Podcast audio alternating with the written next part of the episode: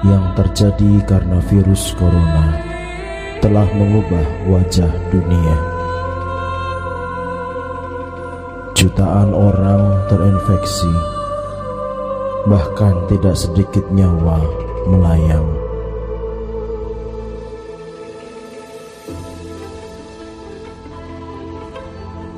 Para medik berjuang bertaruh nyawa di garda depan. Tatanan baru terpaksa diterapkan.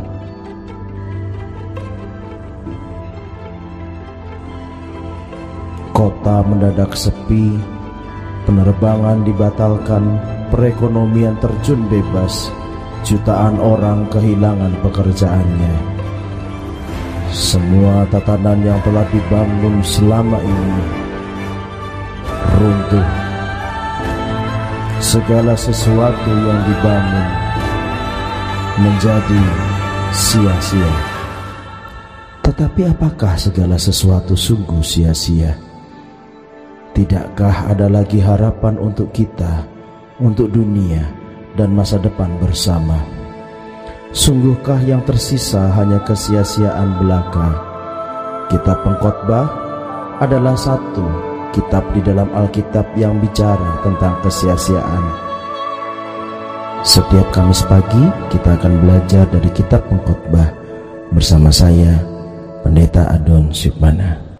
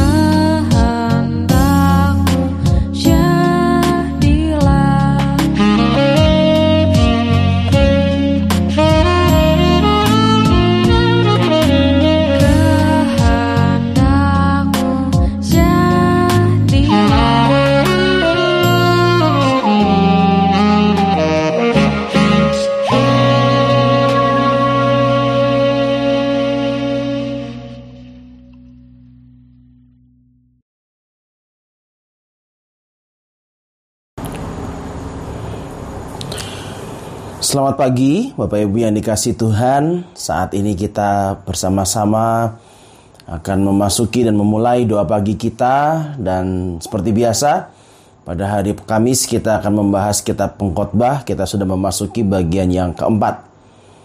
Namun sebelumnya mari kita satu di dalam doa. Mari kita berdoa. Terima kasih untuk pagi yang indah yang Tuhan berikan kepada kami. Dan saat ini kami mau memulai pagi ini dengan firman Tuhan dari kitab pengkhotbah dan kiranya Tuhan sendiri yang juga terus akan menuntun kami dalam pengenalan kami akan Tuhan melalui kitab pengkhotbah ini. Berkati hambamu supaya hambamu bisa betul-betul berbicara sesuai dengan apa yang Tuhan inginkan. Bersabdalah ya Tuhan, dan di dalam nama Tuhan Yesus Kristus kami berdoa. Amin. Pada saat ini kita pengkhotbah yang kita baca adalah dari kitab pengkhotbah pasal 3 ayat 1 sampai ayat yang ke-15. Kitab pengkhotbah pasal 3 ini adalah kitab yang paling terkenal mungkin ya di antara kitab pengkhotbah pasal-pasal lainnya. Mari kita membacanya kitab pengkhotbah pasal 3 ayat 1 sampai 15. Untuk segala sesuatu ada masanya untuk apa pun di bawah langit ada waktunya. Ada waktu untuk lahir, ada waktu untuk meninggal. Ada waktu untuk menanam dan ada waktu untuk mencabut yang ditanam. Ada waktu untuk membunuh dan ada waktu untuk menyembuhkan. Ada waktu untuk merombak dan ada waktu untuk membangun. Ada waktu untuk menangis, ada waktu untuk tertawa. Ada waktu untuk meratap, ada waktu untuk menari. Ada waktu untuk membuang batu, ada waktu untuk mengumpulkan batu. Ada waktu untuk memeluk, ada waktu untuk menahan diri dari memeluk. Ada waktu untuk menari, ada waktu untuk membiarkan rugi. Maaf, ada waktu untuk mencari, ada waktu untuk membiarkan rugi. Ada waktu untuk menyimpan, ada waktu untuk membuang. Ada waktu untuk merobek, ada waktu untuk menjahit. Ada waktu untuk berdiam diri, ada waktu untuk berbicara. Ada waktu untuk mengasihi dan ada waktu untuk membenci. Ada waktu untuk perang dan ada waktu untuk damai.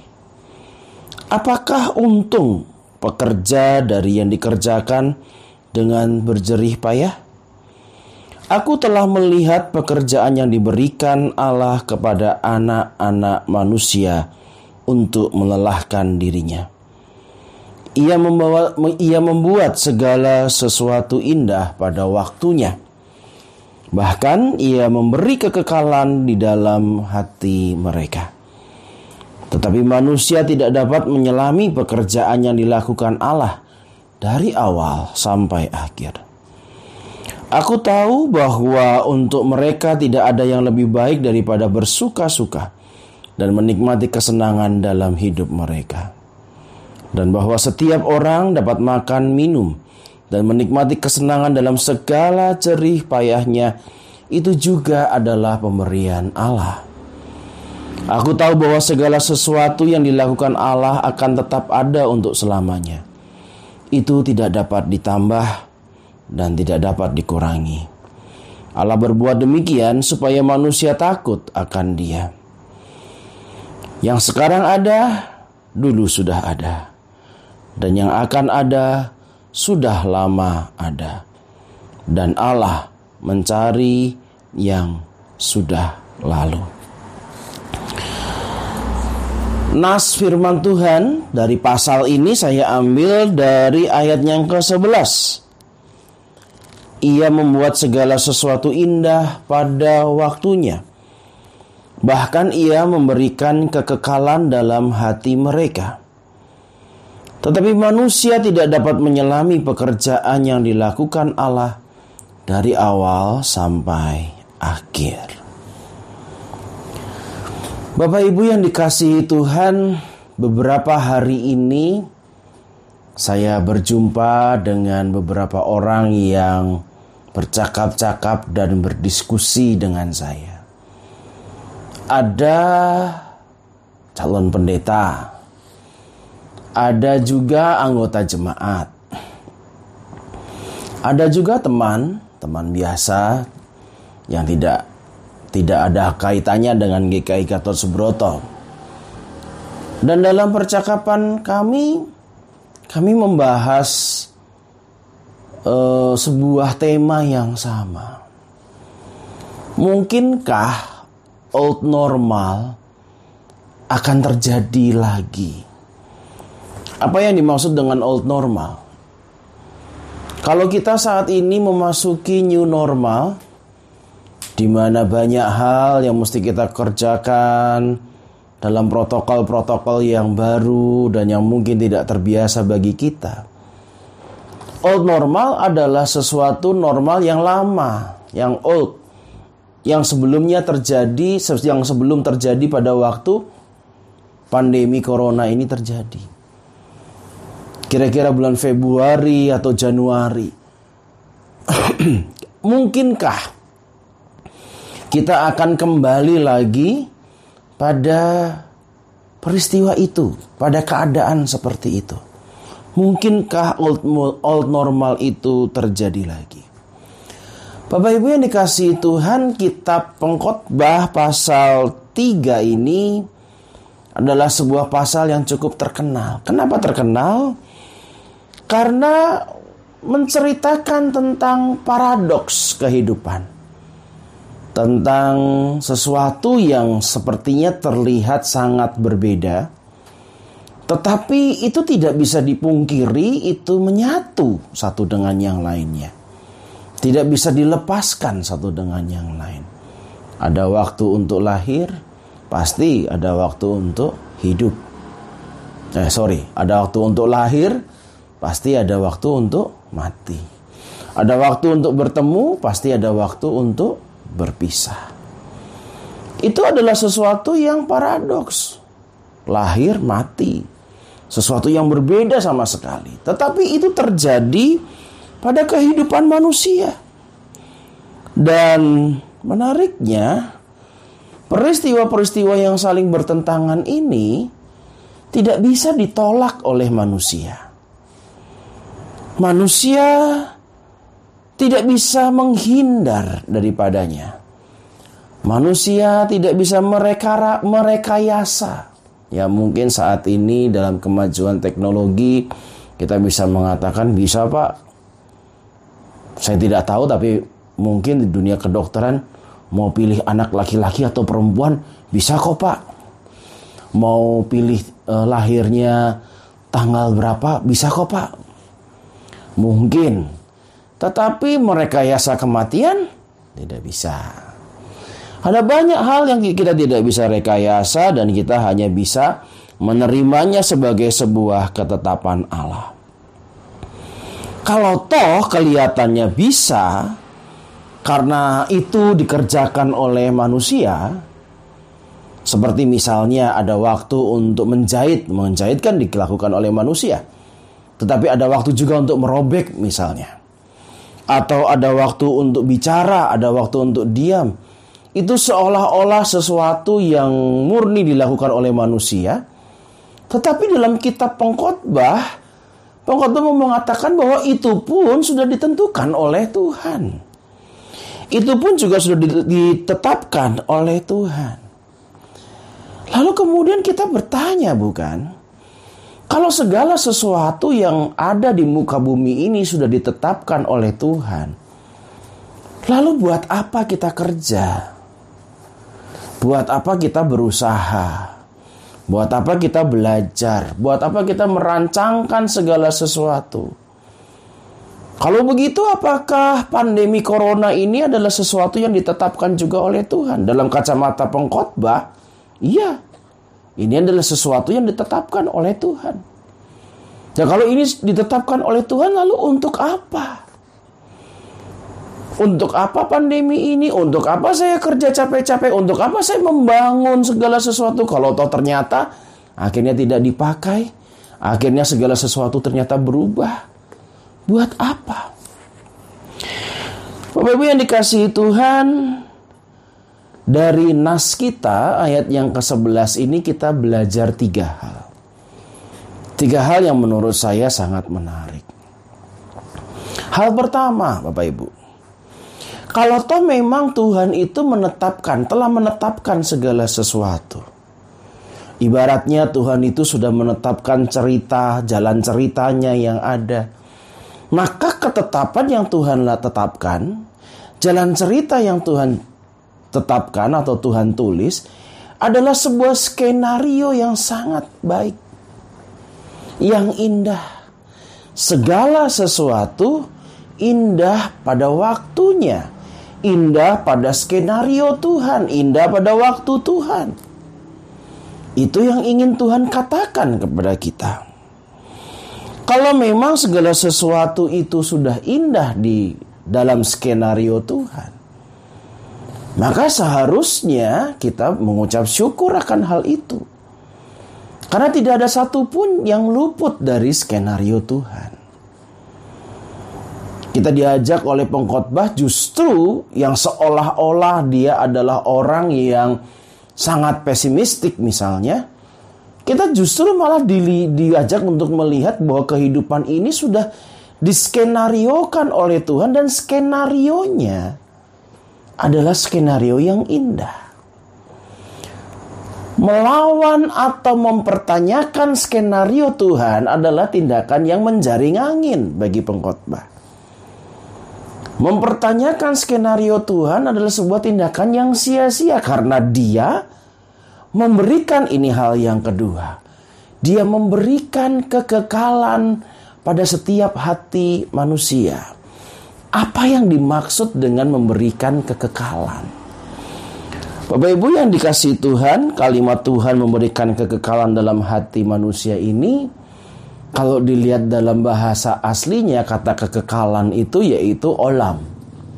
Dan kata olam itu artinya bukan semata-mata kekekalan, tetapi sebuah ketersembunyian, sebuah ketermisterian, sesuatu yang tidak dapat kita bisa pahami atau kita mengerti. Tuhan memberikan itu kepada hati manusia. Tuhan memberikan itu kepada hidup manusia. Mencari segala sesuatu jawaban dari semua apa yang menjadi pertanyaan kita. Mencari segala sesuatu jawaban dalam skenario Tuhan. Bagi kita pengkhotbah itu sudah tidak dimungkinkan. Kalau kita tidak bisa menjawab hidup kita, Lalu apa yang seharusnya kita lakukan? Dan bagian lain pengkhotbah mengajarkan kepada kita manusia tidak dapat menyelami pekerjaan yang dilakukan oleh Allah dari awal sampai pada akhirnya. Sehingga pada akhirnya manusia diajak untuk bergabung masuk dalam rencana Allah, masuk dalam pekerjaan Allah bukan dengan terpaksa tapi dalam keterpasrahan hidup.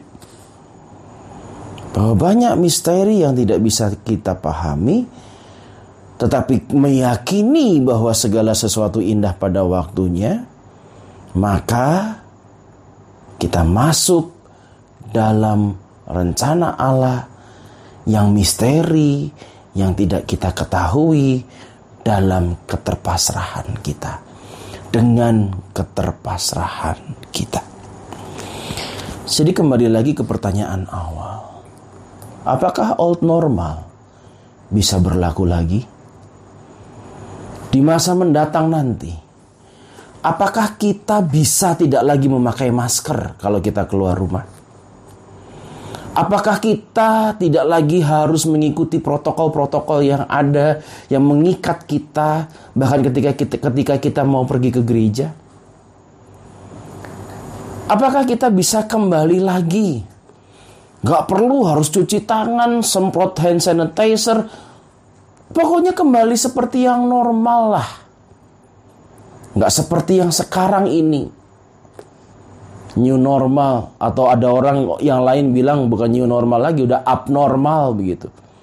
Karena karena udah nggak lazim. Bisakah kita akan kembali seperti itu? Nggak tahu. Tidak tahu. Apakah kita akan bisa masuk kembali seperti old normal? Ataukah kita memang harus hidup seperti ini?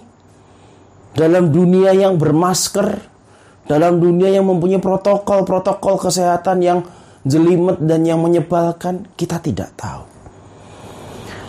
Kita seperti memasuki cerita di mana kita harus menjalaninya dengan kabut yang sangat pekat dan kita tidak tahu akhir cerita dari persoalan pandemi ini bagaimana. Tidak ada yang tahu. Tetapi dari nas ayat 11 tadi kita diajarkan Walaupun kita berjalan di dalam kabut yang pekat, segala sesuatu pasti ada waktunya. Ada waktu kita berjalan dalam kabut yang pekat. Tetapi percayalah bahwa ada waktu juga kita akan berjalan dengan langit yang cerah disertai pelangi yang indah. Bapak Ibu yang dikasih Tuhan, Mari kita masuki kabut pekat ini dengan sebuah iman percaya kita. Bahwa segala sesuatu indah pada waktunya sekalipun ini masih misteri bagi kita namun kita pasrah berjalan bersama Tuhan di dalam rencananya. Amin. Mari kita berdoa. Bapa di dalam sorga, pagi ini Tuhan mengajarkan kepada kami untuk mengingat bahwa sekalipun Tuhan telah merencanakan segala sesuatu dalam kehidupan kami, rancangan dan rencana Tuhan pastilah indah. Dan sekalipun kami masih belum tahu apa rancangan dan rencana Tuhan itu, Tuhan mengundang kami untuk masuk dalam rencana Tuhan itu dengan sebuah kepasrahan tidak mungkin ada rencana kecelakaan, rencana pembinasaan di dalam Tuhan. Kami meyakini segala sesuatu pasti indah pada waktunya. Dan kami tahu siapa yang kami percaya. Yang kami percaya adalah Allah, pencipta langit dan bumi yang mengasihi kami dari kekekalan hingga kekekalan. Karena itu ya Tuhan, biarlah pada hari ini kami akan terus memasuki hidup kami dengan percaya bahwa Tuhan tidak meninggalkan kami. Sekalipun kami tidak tahu ujung dari jalan yang penuh dengan kabut ini, tapi kami menapaki hari demi hari, menapaki satu tapak demi satu tapak, hanya bersama dengan Tuhan. Ya Tuhan, pimpinlah kehidupan kami dan kalau boleh kami meminta, akhirilah pandemi ini. Namun jika rencana kami berbeda dengan rencanamu, kuatkan kami supaya kami mampu berjalan dalam rancangan Tuhan. Terima kasih Tuhan. Di dalam nama Tuhan Yesus Kristus, kami menapaki hari ini, satu hari ini, dalam kemurahan Tuhan dan dalam iman kami kepasrahan kami bersama Tuhan. Amin. Bapak Ibu yang dikasih Tuhan, demikian doa pagi kita. Kita akan ketemu minggu depan, masih tetap dalam seri pengkhotbah, seri kita pengkhotbah, dan kita pasrahkan hidup kita ke dalam tangan Tuhan, karena segala sesuatu pasti indah pada waktunya. Selamat pagi, selamat menjalani kehidupan bersama dengan Tuhan. Tuhan memberkati kita.